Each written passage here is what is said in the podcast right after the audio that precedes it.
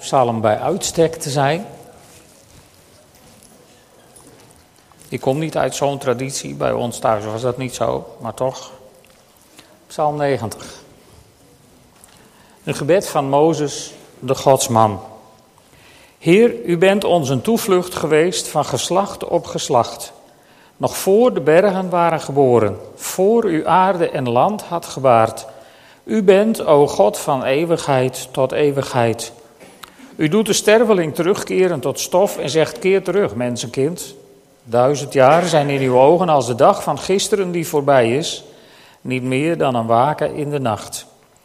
U vaagt ons weg als slaap, in de morgen als opschietend gras dat ontkiemt, in de morgen en opschiet en s'avonds verwelkt en verdort. Wij komen om door uw toorn, door uw woede bezwijken wij. U hebt onze zonden voor u geleid, onze geheimen onthuld in het licht van uw gelaat. Al onze dagen gaan heen door uw woede. Wij beëindigen onze jaren in een zucht. Zeventig jaar duren onze dagen, of tachtig als wij sterk zijn. Het beste daarvan is moeite en leed. Het gaat snel voorbij en wij vliegen heen. Wie kent de kracht van uw toorn? Wie vreest oprecht uw woede? Leer ons zo onze dagen te tellen, dat wijsheid ons hart vervult. Keer, ons, keer u tot ons, Heer, hoe lang nog? Ontferm u over uw dienaren. Vervul ons in de morgen met uw liefde. Laat ons van blijdschap juichen al onze dagen. Geef ons vreugde. Vergoed de dagen dat u ons kwelde, de jaren dat wij ellende doorstonden. Toon uw daden aan uw dienaren. Maak uw glorie bekend aan hun kinderen. Laat ons uw genade zien, Heer, onze God. Bevestig het werk van onze handen. Het werk van onze handen. Bevestig dat. Psalm 90. Ik vond een hele mooie preek over Psalm 90 van dominee Jos Dauma. Ook een oudejaarspreek. En ik heb even met hem gemaild of ik dat mocht gebruiken en dat mocht. Dus ik weet niet of we op elkaar lijken, maar het is een preek van dominee Jos Dauma waar ik uit put. En ik wil het met jullie hebben over vers 12. Leer ons zo onze dagen te tellen, dat wijsheid ons hart vervult. En net als dominee Jos Dauma ben ik ook tijdens de voorbereidingen aan het tellen geslagen. Want ik wilde ook wel weten, als je dan zo'n psalm leest, hoeveel dagen ik eigenlijk inmiddels geleefd heb. En ik kwam erop uit dat vandaag de 22.675ste dag van mijn leven is. 22.675 dagen. Wat heb je ermee gedaan? Heb ik ze geteld? En wat wordt er eigenlijk bedoeld met dat dagen tellen? Er zijn van die fases waarin je dagen telt, hè, dat je de kalender wel vooruit zou willen duwen. Bijvoorbeeld als je als kind bijna jarig bent en je nog tien dagen, nog tien nachtjes slapen, dan heb ik mijn feestje. En die tien dagen, toen ik nog klein was, duurde dat eeuwen. Tegenwoordig is tien weken in een zucht voorbij, maar. Of je zult maar Nederlands topschaatser zijn, hè? Nog 45 dagen, dan beginnen de Olympische Spelen. Of uh, een jong stel wat van plan is om te trouwen. Kan zo vooruitkijken, nog 100 dagen. En dan is het zover. Of uh, als je zwanger bent, nog 40 dagen, 5 weken, dan is het zover. Dan wordt de baby geboren. Of een, een zieke die weet dat hij niet meer beter wordt, die telt ook zijn dagen, maar anders. Hoeveel dagen zou ik nog hebben? Zoals mijn uh, geestelijke vader, broeder Piet van Zutphen, die vandaag thuis is gekomen uit het ziekenhuis om, om de komende weken naar de Heer te gaan. Of mijn schoonvader, die toch naar de mens gesproken in 2014 ook die reis naar de andere kant zal moeten ondernemen. En misschien kent u ook wel mensen. Dan tel je je dagen ook, maar anders. Leer ons onze dagen tellen. Het gebed wat Psalm 90 ons aanreikt. En als je daar even over nadenkt, dan vraag je je af hoeveel dagen laat ik me door de vingers glippen van die dagen. Hoeveel dagen zijn er dat je aan het eind van de dag denkt, wat heb ik eigenlijk gedaan vandaag? Heb ik gedaan wat ik echt wilde? Heb ik gedaan wat echt belangrijk was? Heb ik uit deze dag gehaald wat God er voor mij ingelegd heeft? Want het bestaat ook dat je je tijd verspilt. Met spelletjes op de computer is dat natuurlijk tegenwoordig heel aantrekkelijk geworden. Ook heel verleidelijk. Je hebt zomaar een uur verspild voordat je er erg in hebt. En uh, er zijn ook andere dingen. Soms moet je bezig zijn met dingen die helemaal niet bij je passen en die je helemaal niet wilt. Maar ja, het is natuurlijk wel, wel in, in deze maatschappij om heel veel tijd aan je Facebookpagina of wherever te spenderen. Want je moet natuurlijk wel alles lezen wat er voorbij komt. En, en hoeveel tijd glipt je daarmee door de vingers? Of met piekeren, met je zorgen maken, met klagen over de crisis. Dat schijnt tegenwoordig ook te moeten als je erbij wilt horen. Maar hoeveel tijd glipt ons daarmee door de vingers? Leer ons zo onze dagen te tellen, dat wijsheid ons hart vervult. Dat gebed is gebeden door Mozes. Psalm 9, het staat er ook boven, is een psalm van Mozes en daarmee waarschijnlijk de oudste psalm in het hele psalmboek. En Mozes die schreef deze psalm ergens in de woestijn. Dat verklaart ook een beetje de, de, de wat melancholische toon die deze psalm hier en daar heeft. Hè? Als je dat zo leest van uh, geef ons vreugde, vergoed de dagen dat u ons kwelde. Nou, dan hoop ik dat als u terugkijkt op 2013 dat u denkt van nou, nou, nou, de dagen dat God ons kwelde. Maar, maar als je deze, deze psalm even in de context plaatst van de historie, het volk Israël in de woestijn. Ze waren uit Egypte geleid. Ze hadden bij de berg Sinai van alles met God meegemaakt. En toen waren ze op de grens gebracht van het beloofde land wat God hun wilde geven. En ze hadden het land verkend. En toen hadden ze God laten zitten. Ze waren boos op God geweest en ze hadden tegen elkaar gezegd: Nou, laten we maar teruggaan naar Egypte. Want dit wordt hem niet. De Heer wil ons dit wel misschien geven, maar nee, dit wordt hem niet. En toen was God ongelooflijk boos geworden. Daar lees je over in Numeri. Waar God zegt in Numeri 14, vers 34: 40 dagen hebben jullie het land verkend. 40 dagen zul je voor je schuld boete doen, één jaar voor elke dag. Dan zul je ondervinden wat het betekent als ik mijn handen van je aftrek. Misschien heb je ook wel eens van die gedachten als het in je leven even niet gaat zoals je graag zelf zou willen. Dat je, dat je denkt van, God heeft zijn handen van me afgetrokken. God zorgt niet voor me. God niet dit en God niet dat. Maar God heeft nog nooit zijn handen van je afgetrokken. Want dan was je er al lang niet meer geweest namelijk. Maar dat is wat het volk Israël tegen God zei. En daar moesten ze zwaar voor boeten. En daarom staat er ook in deze psalm: Wij komen om door uw toorn. Dat waren ze bezig te doen. Hè. Ze zouden in die 40 jaar woestijn, zouden die hele generatie die God had laten zitten op de grens van het beloofde land, die zou sterven.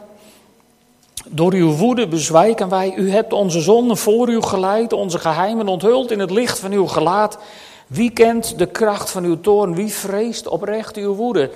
Als je, als je de historische context bij deze psalm ziet, dan snap je waarom inderdaad die toon af en toe zo ongelooflijk neerslachtig is. Maar dan staat er toch ook in die psalm: U bent ons een toevlucht geweest van geslacht op geslacht.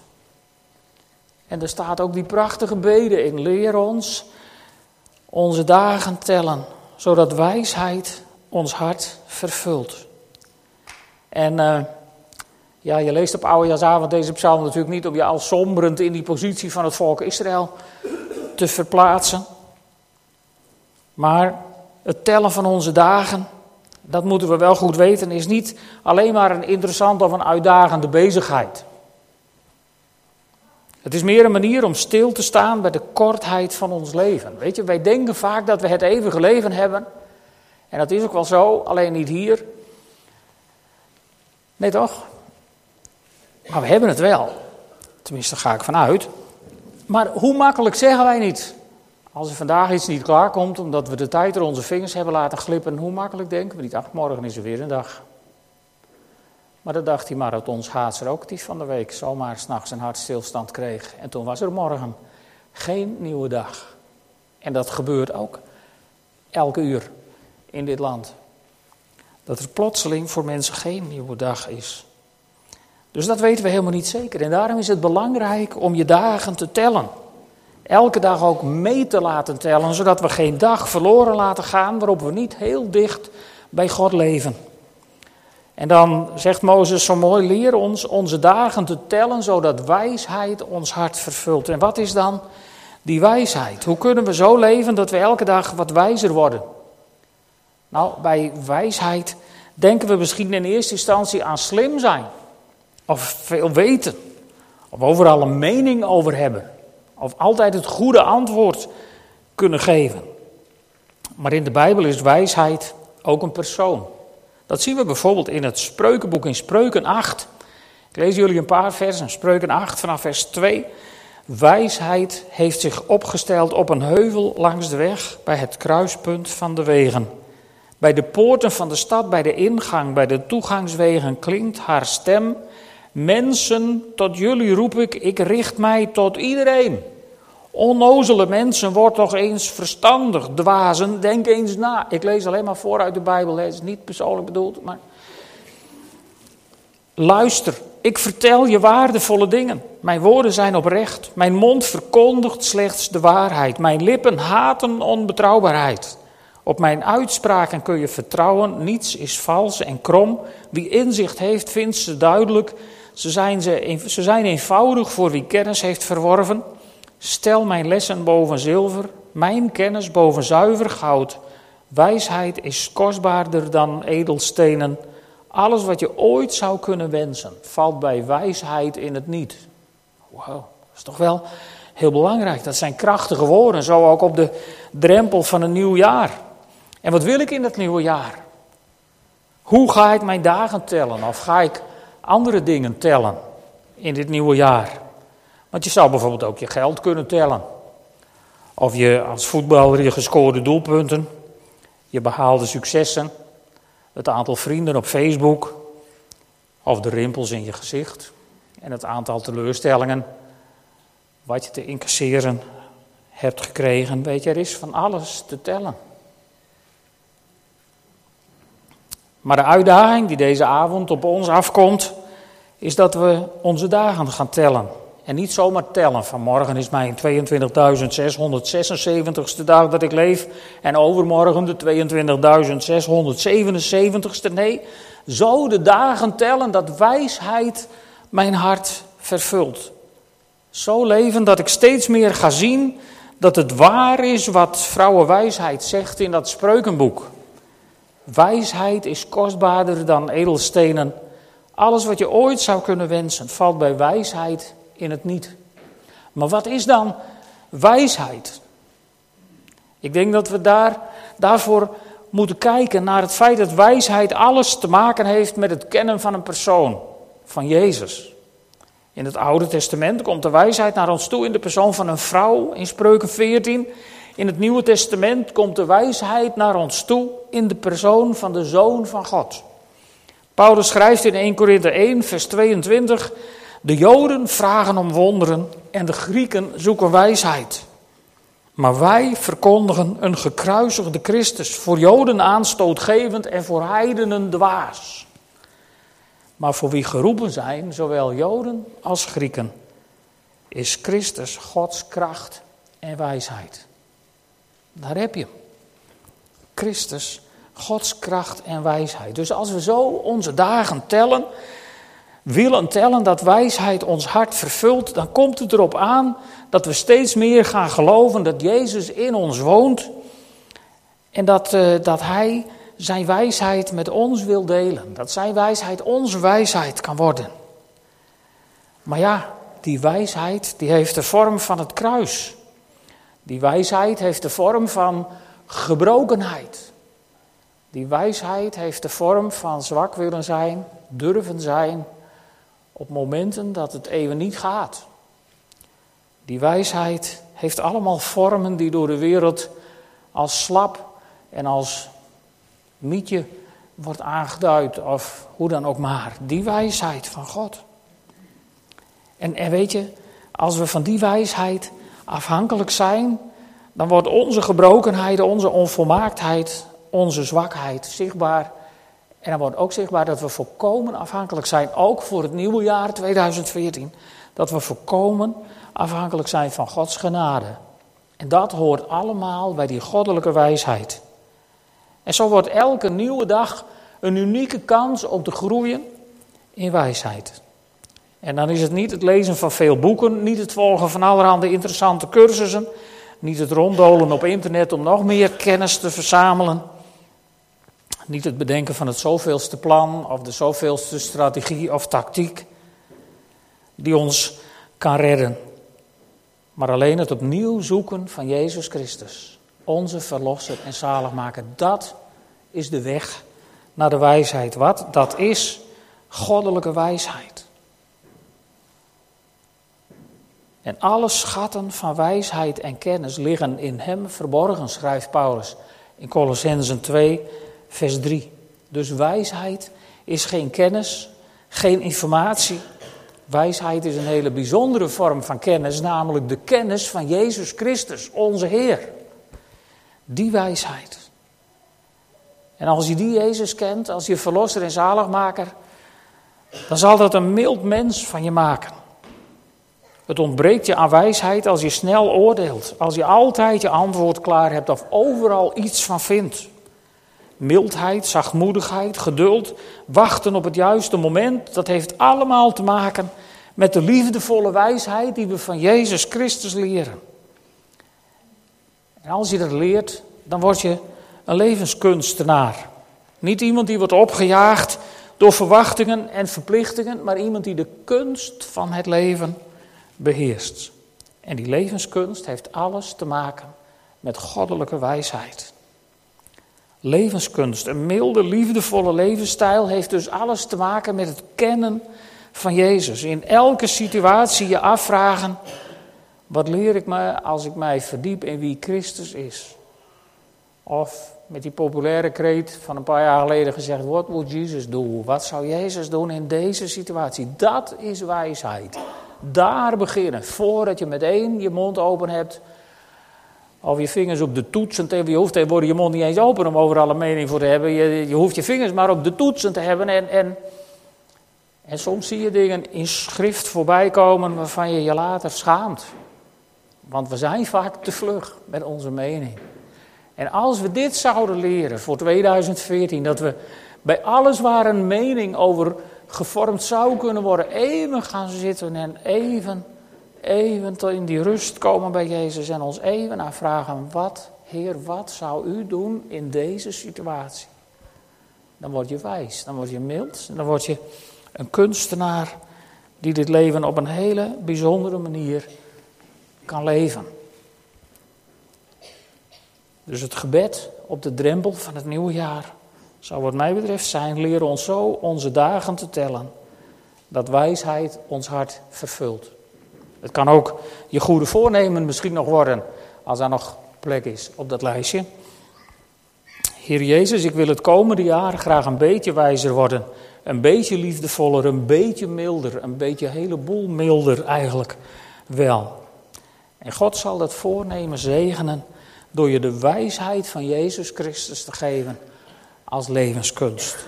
En dan wordt 2014 opnieuw een anno domini, een jaar van onze Heren. En dat is wat ik jullie toewens. Zo op deze drempel van het nieuwe jaar. Zullen we gaan staan en een moment bidden. Vader in de hemel, leer ons zo onze dagen tellen dat wijsheid ons hart vervult. Leer ons in 2014 zo met onze tijd omgaan, dat de dagen ons niet door de vingers glippen, maar dat de dagen die we van u krijgen geleefd zullen mogen worden als hartstochtelijk doorleefde dagen in een, in een nog hartstochtelijke relatie met u. Heere, geef ons dat we zo 2014 in mogen. Als mensen die niet overal meteen het beter weten dan anderen. Maar als mensen die heel even de tijd nemen om te luisteren naar uw stem. Om even te horen dat wat u zou willen zeggen over een situatie. Heer, want u wilt ons leven leiden. U wilt ons bij de hand nemen en samen met ons 2014 doorwandelen, zodat het een jaar van u mag worden, een anno domini 2014. Schenk ons dat, Heer. Minder van ons en meer van u. Een jaar waarin we onze dagen zo tellen dat uw goddelijke wijsheid ons hart vervult. Amen.